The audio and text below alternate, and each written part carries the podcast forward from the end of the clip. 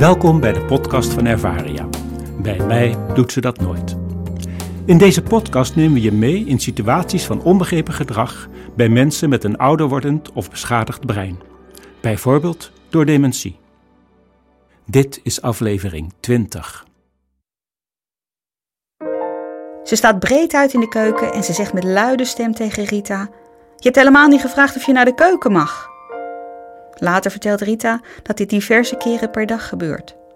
Mevrouw de Wilde woont nu een aantal dagen in de waterlelie. En het team vindt haar gedrag soms moeilijk. Mevrouw de Wilde wordt namelijk boos op de medebewoners en de teamleden als ze aan haar geen toestemming vragen om naar de keuken te gaan. In gesprek met Simon, de zoon van mevrouw de Wilde, wordt duidelijk dat zijn moeder jarenlang directrice van een huishoudschool is geweest.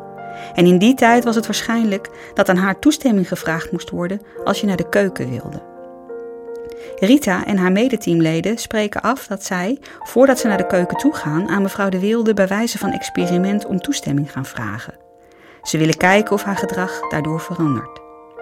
Enkele medewerkers zijn er in het begin wel wat sceptisch over en afwerend zeggen ze: waarom zouden we op onze eigen plek toestemming moeten vragen? Maar vanaf de eerste keer zien ze echter dat het experiment werkt. Mevrouw de Wilde wordt niet meer boos en de keuze is dan vervolgens snel gemaakt. Onze levensloop bepaalt voor een deel hoe wij ons gedragen. Door dementie kunnen bepaalde levensfases zich nadrukkelijk in de hersenen manifesteren. En de kans bestaat dat het hierbij horende gedrag weer naar boven komt. Als we ons verdiepen in de biografie, de normen en waarden van onze bewoners, dan wordt gedrag dat wij in eerste instantie niet goed begrijpen, soms ineens begrijpelijk. Zoek daarbij als team naar een manier om het gedrag te beïnvloeden. Geef elkaar de ruimte om te experimenteren en blijf met elkaar delen wat dit oplevert.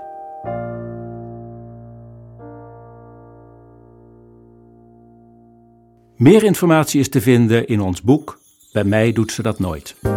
Je kunt ook de website www.ervaria.nl bezoeken of mailen naar info.ervaria.nl. Bedankt voor het luisteren.